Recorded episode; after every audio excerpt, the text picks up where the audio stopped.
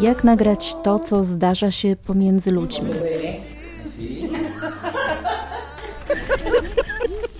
W jaki sposób opowiedzieć o miłości? Gdybym mogła się śmiać, to bym się śmiała od rana do wieczora. No.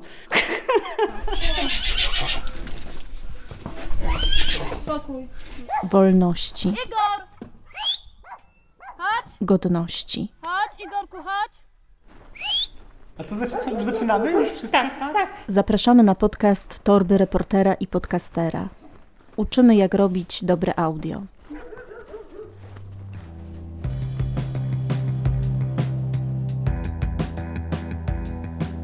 Dzień dobry, tu Hanna Bogoryja-Zakrzewska wraz z Katarzyną Błaszczyk od 2017 roku prowadzę torbę reportera i podcastera. Dla kogo ten dzisiejszy podcast?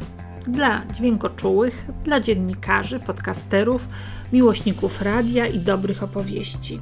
Ja przez ponad 30 lat przygotowywałam radiowe reportaże, a jak nauczyłam się tworzyć te opowieści? Otóż e, w redakcji reportażu to było na ulicy Myśliwieckiej w Warszawie. Na drugim piętrze była redakcja reportażu i tam stała taka duża szafa drewniana, w której były taśmy z archiwalnymi reportażami bardzo dobrymi. I każdy, kto przychodził do tej redakcji, musiał właśnie zacząć od tej szafy, a później miał możliwość dopytywać innych, bardziej doświadczonych kolegów, bardziej doświadczone koleżanki o sprawy warsztatowe. I dzisiaj ty dzięki temu podcastowi także weźmiesz udział w takiej lekcji reportażu. Ale uwaga, ten podcast może zaszkodzić. Bo bohaterką jest zmarła niestety w grudniu mistrzyni reportażu Krystyna Melion. W 2015 roku została uhonorowana Nagrodą Specjalną Studia Reportażu i Dokumentu Polskiego Radia za swoją twórczość, która, uwaga, jak magnes z ogromną siłą przyciągała do radia różne pokolenia młodych adeptów sztuki reportażu. A więc jest możliwe, że po wysłuchaniu tego podcastu zapragniesz zmienić swoje życie i zajmiesz się reportażem. A tak stało się w moim przypadku. Było to tak.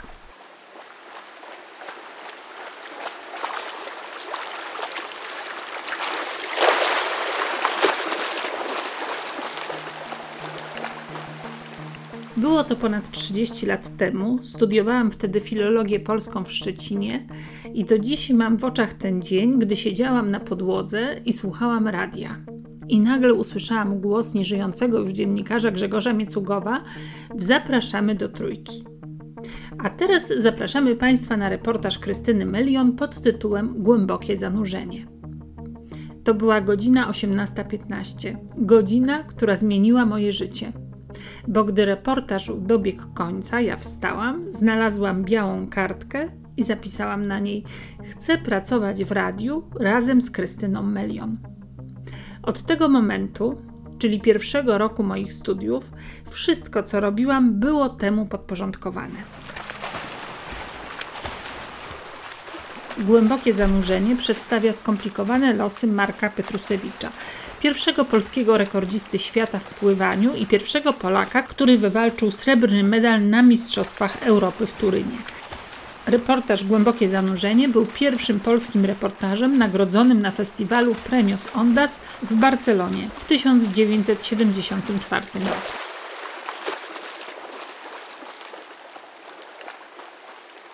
Znam jeszcze dwie inne osoby, na które reportaż Krysi podziałał jak magnes. Są to Janina Jankowska i Mariusz Marks. A myślę, że jeszcze Ernest Zozuń by się z tym zgodził. Jaka była Krysia?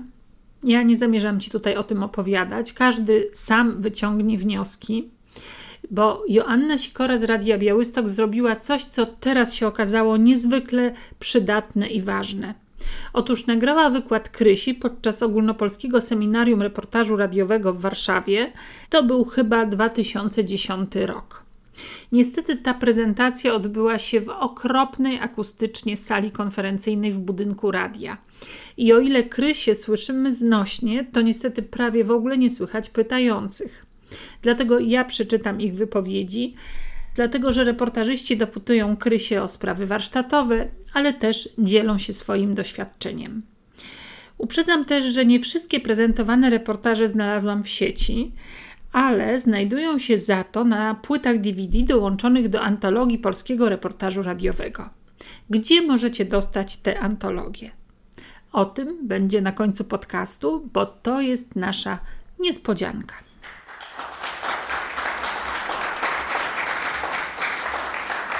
Przenieśmy się teraz do sali konferencyjnej w radiu przy ulicy Malczewskiego. Krysia siedzi po środku, a wokół niej są poustawiane stoły, za którymi siedzi około 50 reportażystów z całej Polski. I naprawdę chłoniemy każde słowo mistrzyni, która prezentuje archiwalne reportaże swoich kolegów. Zaczęło się od Jacka Stwory i jego reportażu Dzielnica Szwarckopów. Rzecz dzieje się na targu, reporter mikrofonem notuje to, co tam się dzieje od świtu po zmierzch. Teraz fragment tego reportażu, a całość znajdziecie na stronach Polskiego Radia. Link oczywiście w opisie do tego odcinka. Jacka Stwory z 56 roku, dzielnica Szwarckop. Po ile te króle pańskie to są? Po cztery dychy. Po cztery dychy, to a A jaki to gatunek tych króli? te? No. Te, te proszę pana belgijskie y, mieszane. A przecież te Belgii to nie ma wyglądu belgijskiego. Ja mam Mieszane, króliki, mieszane. Panie, ja mam króliki, Mieszane, rozumie Chwileczkę, pan, krzyżówka. Jakaż to krzyżówka? Szczury pan hoduje, ja mam króliki, mają po 18 kilo. W Łodzi, ja żebym był na wystawie, to mnie na wózku wjeździ, proszę pana, jednego królika. No, biegowisko takie było, panie, że nie można było. Przez nowa rasa, proszę pana, olbrzymy, to sprowadzane króliki. Barana potrzeba na 18 kilo. Wybrałam ten reportaż dlatego, że tu Jacek robi prawdziwy reportaż. Wchodzi w środowisko, słucha, mówi. Później reportaże Jacka mm, zrobiły się takie bardziej filozoficzne. Jacek pisał, sam to zresztą odczytywał, i potem tylko była egzemplifikacja albo wydarzeń, albo tego, co dotyczyło bohatera. Ja ten reportaż e, najbardziej lubię. Był zresztą jeszcze taki reportaż, który tutaj gdzieś zaginął, e, Wojciech i Nieznajomi. To był reportaż, którym Jacek e, ze swoim synem Wojtkiem poszedł do domu starców. To jest rzeczywiście bardzo piękna rzecz, jak taki bardzo młody chłopiec, właściwie dzieciak, rozmawia ze starymi ludźmi. No, zresztą nie będę tu mówiła dużo o Jacku, bo wiadomo, to był autor wielu reportaży, wielu bardzo dobrych reportaży. Poza tym był to kolega drugi, który dostał Pri Italia za reportaż Pasja. Pierwszy y, nasz laureat to był Witek Zadrowski za Śmierć Słonia. No tyle o Jacku. Jacek zresztą był człowiekiem z ogromną fantazją. Po pierwsze był to znacznie starszy od nas, był już przed wojną rotmistrzem, w czasie wojny był w obozie. Także fantazja Jacka przekraczała czasami granice przyzwoitości, ale zawsze były to, e, nikomu zresztą nie robił tym przykrości. I teraz e, drugi reportaż, który bardzo lubię. Lekcja Poloneza. To jest reportaż e, z 1961 roku. Autorem jest Marian Bekajło i Jerzy Janicki. No, niestety też obaj nie żyją. Ja już czasami mówię, że nie będę przedstawiała żadnych reportaży, bo przy wszystkich trzeba by mówić wieczny odpoczynek. Bekajło to po pierwsze był to lwowiak. To już o czymś mówi. Był to taki serdeczny, fajny grubas, który właściwie reportaż to mógł zrobić ze wszystkiego.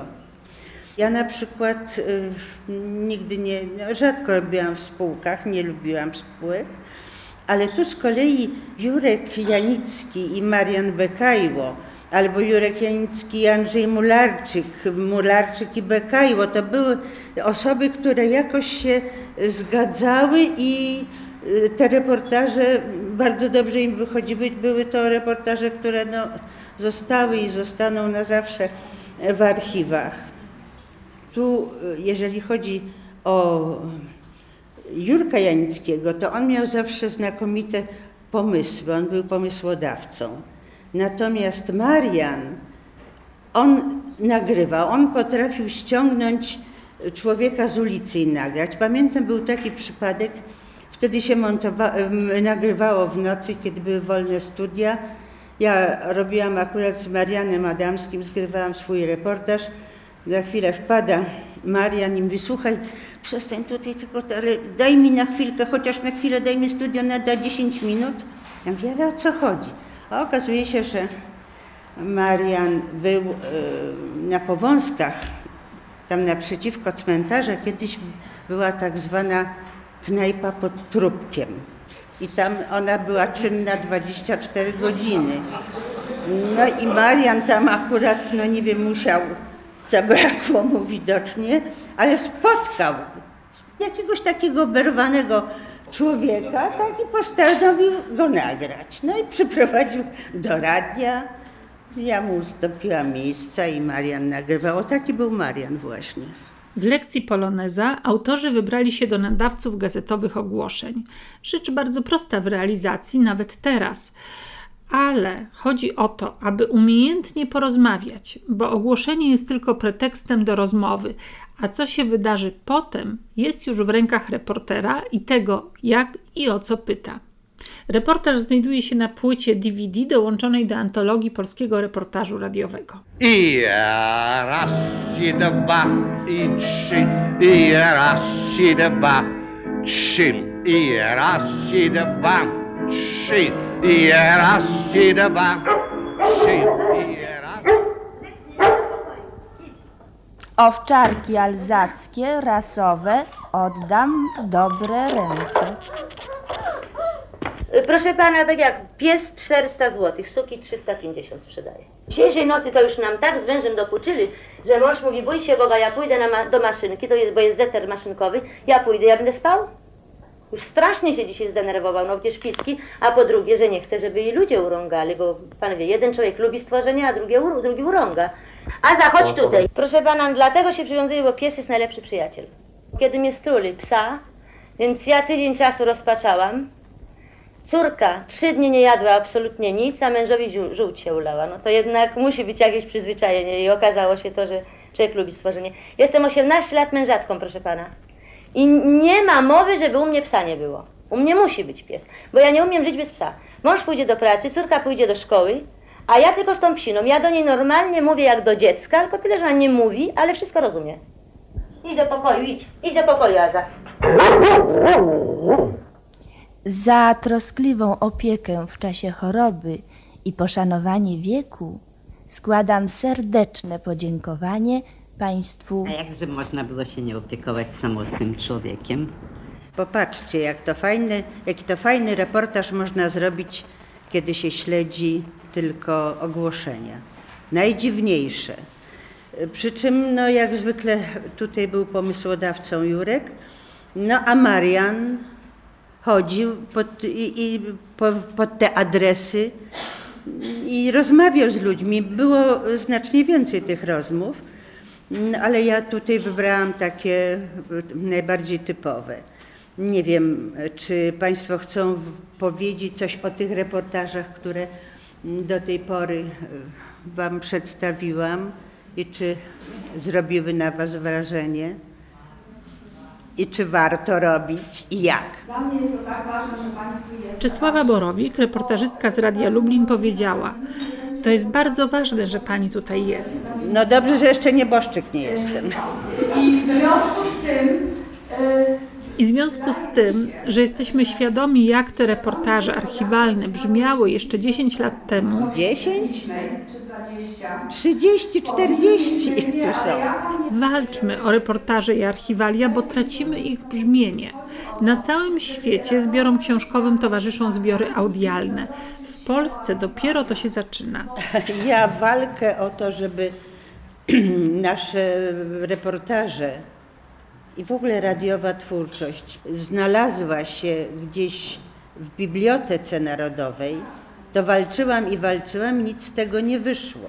Oni najpierw żądali, bo to było na płytach w ogóle, takich jeszcze tych starych płytach, żeby przegrać to na y, kasety, więc myśmy to przegrywali na kasety, ale zdaje się nic z tego nie wyszło, że nie wiem czy już nawet mi się nie chce tam iść do tej biblioteki, żeby dowiedzieć się czy coś jest, bo ja to no, robiłam to z całym sercem, zbierałam najważniejsze przynajmniej te reportaże, takie, które no coś znaczą albo, albo jakimś krokiem w historii, albo w rozwoju radia. No ale e, cóż ja sama jedna, wtedy mi Sokorski bardzo chciał pomóc, ale z tego wynika, że też nie za bardzo. Jan Smyk, dawniej kierownik redakcji reportażu w Radiu Białystok, podzielił się za to refleksją, że samotne montowanie w domu jest niedobre i dla reportażu, i dla środowisk reportażowych. Ja bardzo często tak, już kiedy jeszcze mm, kończyłam swoją pracę w radiu, to miałam tak z Krzysiem, że myśmy siedzieli blisko siebie na montażach i bardzo często tak było, że po prostu jedno słowo Krzysia i ja wiedziałam, co tam dalej z, zrobić, a tak to człowiek sam siedzi w domu i, i co w tych czterech ścianach. Proszę Państwa, y, zostałem niejako wywołany przez Krysię. Krzysztof Wyżykowski, kiedyś kierownik redakcji reportaży w programie pierwszym Polskiego Radia, opowiada. Gdy na początku mojej pracy proponowałem szefowej reportażu jakiś temat, ta mówiła: Oj, Krysia już to robiła 20 lat temu. Nie było tematu, którego Krysia by nie robiła. Ja e, kiedyś chciałam wypróbować młodego człowieka, żeby posłuchał. Mojego wnuka ściągnęłam, on się inter- interesuje historią, słuchał, słuchał, no i powiedział, że mi się to bardzo podoba. Pytam, co o, co o tym myślisz? A on mówi, no ale jak tyś tak, gdzieś ty zgromadziła tyle osób, że, że one tak jakby dopowiadały sobie, no więc muszę chyba być dumna z montażu. Właśnie o tym chciałam, żebyś. Irena Piłatowska, opowiedz nam o swojej technice pracy. Ja zawsze bardzo dużo nagrywałam, bardzo długo nagrywałam, bardzo Ale precyzyjnie mówiąc, to 40 minut nagrań na 20 minut reportażu. A, to było i, i 300, i 400 minut, i 500 na reportaż 20-minutowy. Potem oczywiście wszystko wypadało dość szybko przy pierwszym tak zwanym montażu. Ja zresztą miałam taki sposób, którego nauczyła mnie Masia Rosa, nieżyjąca koleżanka, że po pierwszym montażu, po wyrzuceniu, montowało się przecież na montażówce i były te tak zwane blanki. I kiedy się wybierało fragment, który był potrzebny, oddzielało się, prawda, blankiem białym i tak dalej, dalej, dalej. W każdym razie potem ja spisywałam to. To w ogóle była robota, ale szybciutko później składała się całość, łatwo można było dramaturgię z tego utworzyć, bo gdzieś było widać to pierwsze słowo, to ostatnie, jak to do siebie pasuje. No była to mrówcza praca. Myślę, że teraz chyba mm, koledzy y, montują szybciej, łatwiej, ale może to, czego mnie by brakowało, to tego tak zwanego drugiego ucha, które by powiedziała, ej, co ty tu robisz, weź no wyrzuć to, bo to jest zupełnie niepotrzebne. A tak byś wy się borykacie sami z tym utworem. To, co jest widoczne w Twojej twórczości, to jest... Irena Piłatowska, wieloletnia redaktor naczelna studia reportażu i dokumentu. To, co było charakterystyczne dla Ciebie, Krysiu, to dyscyplina słowa przy montażu. Dziś autor nie przywiązuje już wagi do tego, co niesie każde wypowiedziane słowo i skupia się na tym sensie, który złapał w czasie nagrywania. I potem jest tyle niepotrzebnych rzeczy, które zjadają czas, rozpraszają myśli i nie ma tego konsekwentnego prowadzenia głównego wątku. Traci na tym dramaturgia utworu. No ale to, ale to chyba właśnie jest sprawa montażu, no bo bardzo często, kiedy y, ja nagrywałam, to już czułam, że, że to jest niepotrzebne, ale nigdy nie przerywałam, bo nigdy nie wiadomo było, kiedy padnie zdanie, które mi rozwiąże wiele spraw i które będzie, nie wiem, albo początkiem, albo końcem reportażu, bo najczęściej to tak bywało. Ale a jak się bohaterowi przerywa, to nigdy nie wiadomo. Ja wiedziałam już w trakcie nagrania, co mi nie będzie potrzebne, a czasami czekałam na jedno zdanie, które mi rozwiąże no, wiele spraw w tym reportażu, ale to trzeba mieć ogromną cierpliwość. Może teraz y, y, no, goni was czas. Przedtem jednak można było dłużej pracować nad reportażem. Poza tym za moich czasów robiło się jeden reportaż w miesiącu. Nad jednym reportażem swoim pracowałam pół roku. I ciągle mi było mało, i ciągle mi było mało, i ciągle szukałam kogoś. I, i wszyscy koledzy śmiali się ze mnie w redakcji. a Aleksander Małachowski, mój szef, powiedział wtedy: Słuchajcie, i ona ma rację, bo czasami ważne jest, kto przyjmował dziecko na świat, bo oni się śmieli z tego, że ja pewnie do rakuszerki trafię. I to był reportaż, który potem dostał mm, nagrodę premię Ondas. Muszę się pochwalić jako pierwszy reportaż z Polski. Pamiętam pierwszą lekcję, Krysiu, jaką ty mi udzieliłaś. Irena Piłatowska. Pamiętam pierwszą lekcję, której mi udzieliłaś, Krysiu, jak przyszłam do redakcji. Zaczęło się od tego, że wysłałaś mnie do archiwum, abym najpierw posłuchała różnych reportaży. I ja tak przynosiłam pudła z taśmami, takie stosiki, bo naprawdę było ich sporo. Odrabiałam te lekcje bardzo sumiennie i serce mi rosło. To mi dodawało skrzydeł, bo pokazało się tyle możliwości. I pomyślałam, że teraz ładuję akumulatory, a potem coś z tego wyniknie. No a Krysia ciągle do mnie mówiła: Posłuchaj jeszcze tego i tego i tego. A potem powiedziała mi tak: Jak pojedziesz na nagranie, to pamiętaj. Siadasz przy swoim bohaterze i utrzymujesz wzrokiem wzrok tej drugiej osoby, a mikrofon trzymasz poniżej, tak, żeby on zapomniał o tym, że nagrywasz. Uczyła mnie też, jak wyciągać sprzęt przy bohaterze, żeby nie robić tego w ciszy. W ciszy rozkładamy te baterie, magnetofony, mikrofony, słuchawki, bo wtedy rośnie stres u rozmówcy. Tylko zagadywać w trakcie.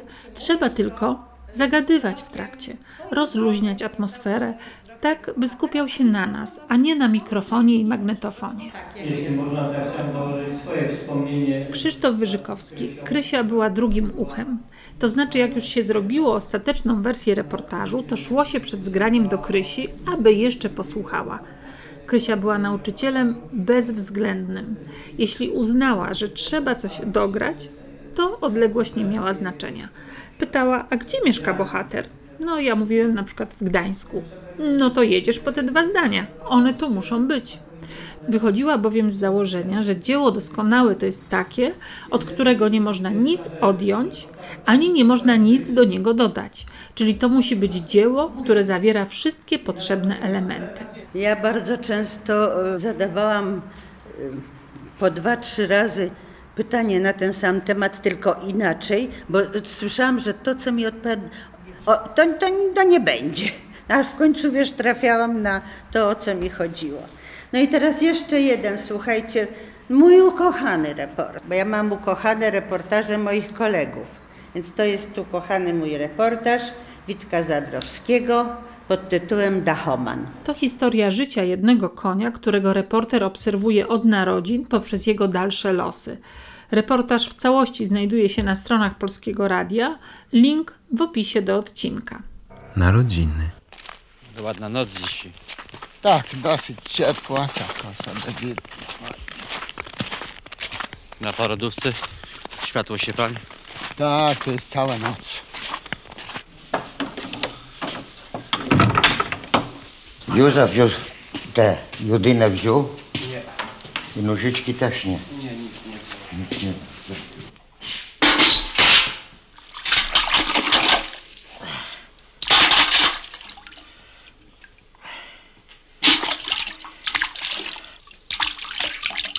O, nożyczki się wymyje. Tak, zaraz się bóle wezmą. Lepiej to ona się położy. Po pod ścianami chodzi tylko, widzisz. o. Kładzie się. O, teraz będzie lepiej. Tak. O, matko, nie bój się, nie bój się. O, tak, tak, tak. tak. O, to, to, to, to, to. Drugie nóżkę wyciągnie. I te, te drugie, drugie. Za jedne, za jedne Józef wyciągnie. O tak.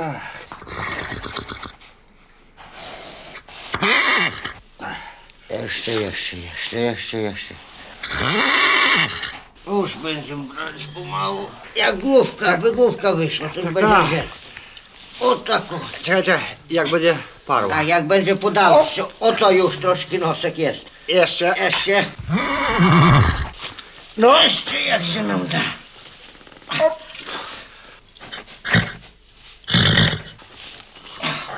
Ciężko, ciężko idzie.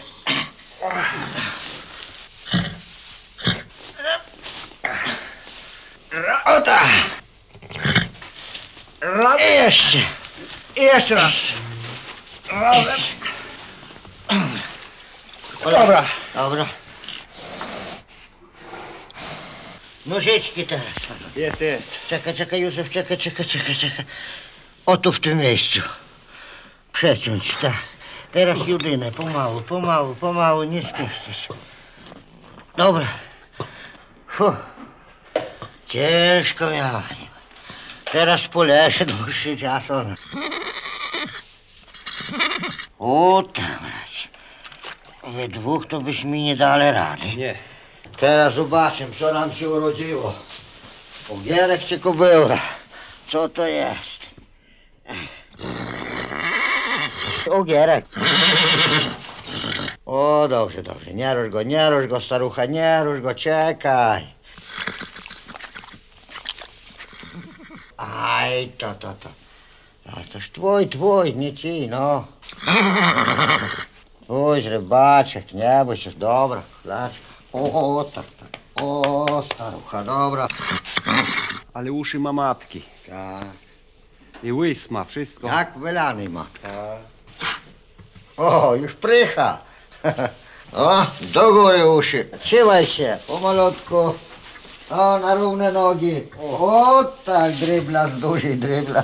No i O, to, to, to. Kawał konia, nie uszykając. Nie uszykając, kawał konia. Op, op, op, op. O, już się rży, ogier ogierem.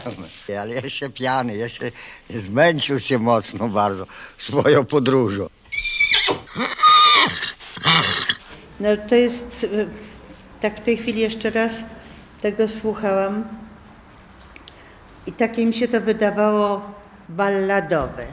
Całe no, no, życie Dachomana, życie konia od urodzenia i właściwie do takiej pełnej dojrzałości.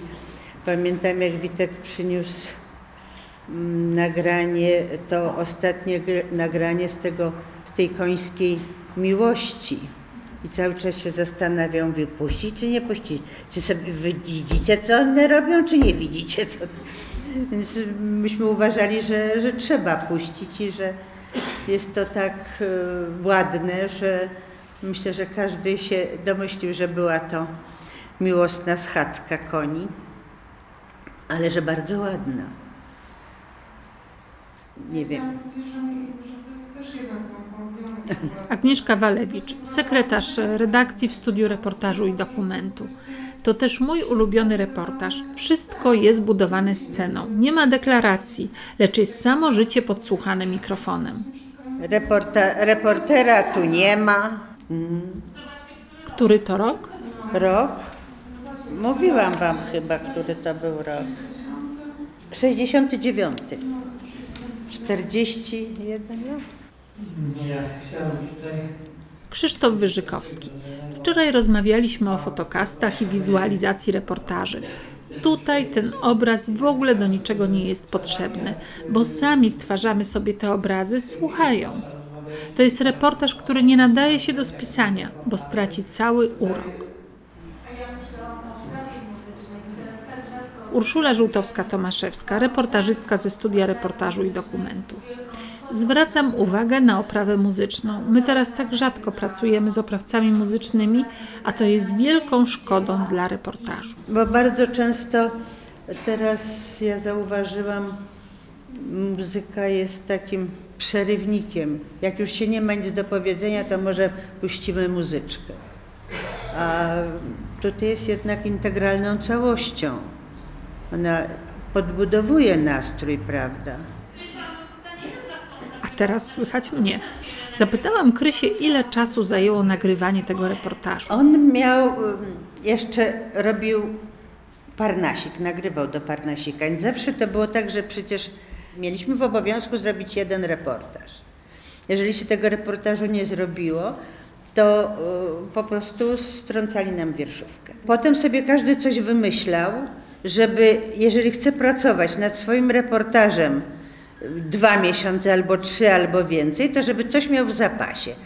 No i Witek wtedy y, przystąpił do takiej spółki, mm, do Parnasika, po to, żeby można było pracować tyle czasu. Tu oczywiście wiadomo, że, że to nie był ten jeden koń, tylko że Witek po prostu jeździł do mm, hodowla koni, tak to się nazywa, do, do stadniny, tak? No i na, nagrywał te etapy, które mu były potrzebne do y, tego reportażu, do tego obrazu. No to, to, to jak słuchowisko jest, prawda? Na przykład y, wyścigi to nie był prawdziwy dachoman. Nie, nie złamał tam nogi, tylko akurat tam złamał na wyścigach koń nogę, no, bo, bo Witek nagrywał wszędzie wyścigi, co się, co się dało. No, wtedy no, mogliśmy pracować długo. I żeby nieraz człowiek jeździł po, po dwa zdania na drugi koniec Polski, bo mu zabrakło do czegoś tam. No nie, ja czasami żal mi bardzo kolegów teraz, którzy, którzy muszą robić szybko, bo czas goni, bo fundusze nie takie. Zresztą muszę Wam powiedzieć, że reportażyści nigdy dobrze nie zarabiali. To był w całym radiu najgorzej zarabiająca redakcja. To były reportaże. I były i felietony, i słuchowiska, i satyra, i licho wie co, a reportaż, który potem no właściwie zostaje w archiwach i można go no wyciągnąć w każdej chwili. Nie sądzę, żeby na przykład jakieś satyryczne audycje, które były robione właśnie na ten czas, który akurat tam był, czy na to wydarzenie, żeby teraz można to było powtarzać chyba jako historię, prawda? Jako element. A reportaże możemy powtarzać. One, one właściwie nic nie tracą. Czasami się zdarza tak, że no trafia się zupełnie niespodziewanie po drodze na coś. Człowiek nie ma zamiaru nagrywać. Ja pamiętam, jak Witek z Adasiem Bielowiejskim, oni tak zawsze mówili, e, co my zrobimy? To Witek mówi, no chodź, siadamy w samochód, noc, nie noc, zobaczysz po drodze, zawsze kogoś można nagrać. No i kiedyś mi opowiadali taką historię, że jechali i, i, i Adaś mówi, o popatrz tam w nocy. Zobaczyli na końcu dyszel, jak jedziesz w nocy wóz, to ma na końcu jakąś lampkę taką. Zobaczyli tą lampkę, wyszli z samochodu, już nie pamiętam teraz jaki tytuł był tego, bo oni coś zrobili z tego i chłopa ściągnęli z tej fury, chłop był troszkę taki, nie powiem, koń sobie sam szedł do domu i zrobili reportaż. Także okazuje się, że można w każdej chwili robić. A czasami się bardzo długo myśli i szuka się tematu i, i szuka się materiału. Przypomniała mi się historia, którą mi opowiedział Duszewski. Bożena Markowska, dziennikarka Polskiego Radia. Przypomniało mi się, jak Jerzy Tuszewski opowiadał o francuskim reporterze, który nie mógł jeździć w teren, bo obcięto mu fundusze. Więc zrobił reportaż w swojej rozgłośni, rozmawiając ze sprzątaczkami, imigrantkami tam zatrudnionymi. To był wspaniały reportaż. No, nasi strażnicy na Myśliwieckiej bardzo często byli bohaterami. Coś pani herbaciarka Zosia, ta, co potem się, wiesz, rozpoznawało głosy w reportażu. No oczywiście tam na jakieś zdanie miała powiedzieć. Polecam gorąco reportaż, o którym napisałam w blogowym wpisie Storytelling w reportażach Krystyny Melion. Dwie godziny, 40 minut i 15 sekund byłem z narzeczoną. I to jest chyba pierwszy śledczy radiowy reportaż w Polsce. Występuje w nim radiowy kierowca. Na zakończenie spotkania z Krysią mam zdanie wypowiedziane przez nią w trakcie wykładu. Ale jednocześnie chcę Ci powiedzieć, i Państwu też, Helena Wielowiejska to była e, taka starsza pani pracująca mm, w redakcji satyry, bo taka była. Kiedyś powiedziała, i to bardzo mądrze, że nam się stawia pomniki z powietrza. O tyle po nas zostaje. Tyle po nas zostanie. Ale Krysia zostawiła po sobie jednak coś. I nie są to tylko reportaże w archiwach, ale to są też ślady w sercach jej uczniów, którzy nigdy o niej nie zapomną. Tak jak ja, na zawsze zapamiętam moją mistrzynię, dzięki której zakochałam się w reportażu. A jeśli chcesz dowiedzieć się więcej o reportażach Krystyny, a również o jej życiu, o tym jak została reportażystką, jak ta praca wpłynęła na jej życie osobiste, zapraszam do wysłuchania mojego reportażu Jak magnes. Link znajdziecie w opisie do tego odcinka. To jest reportaż, który znajduje się na stronach Polskiego Radia. To jest podcast Katarzyny Błaszczyk i Hanny Bogoryja Zakrzewskiej. Uczymy, jak robić dobre podcasty. Torba reportera i podcastera. No i teraz obiecana niespodzianka. Już w najbliższą niedzielę możesz zawalczyć o całkowicie nowy, nieużywany egzemplarz antologii polskiego reportażu radiowego. Znajdziesz w niej 169 historii na dwóch płytach DVD. Do tego są artykuły warsztatowe, biogramy wszystkich polskich reportażystów radiowych, ale będzie też dla zwycięzcy licytacji specjalna dedykacja ode mnie i od Kasi, bo właśnie w ten sposób włączamy się w licytację Wielkiej Orkiestry Świątecznej Pomocy. W tym roku orkiestra zbiera na sprzęt do operacji okulistycznych dla dzieci. Licytację rozpoczynamy w niedzielę na fanpage'u Torby Reportera i Podcastera. Cena wywoławcza to cena, po jakiej można kupić tę antologię w radiowym sklepie, czyli 86 zł. I jeszcze dwie informacje. Po pierwsze, niedługo pojawi się program warsztatów podcasterskich dla zaawansowanych. Zapraszam serdecznie, bo będziemy pracować nad Waszymi odcinkami, żeby były jeszcze fajniejsze, żeby przykuwały uwagę i żebyście mieli pomysły na następne atrakcyjne podcasty.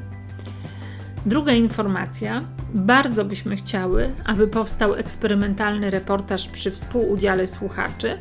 Mieliby oni wpływ na kolejne etapy powstawania reportażu.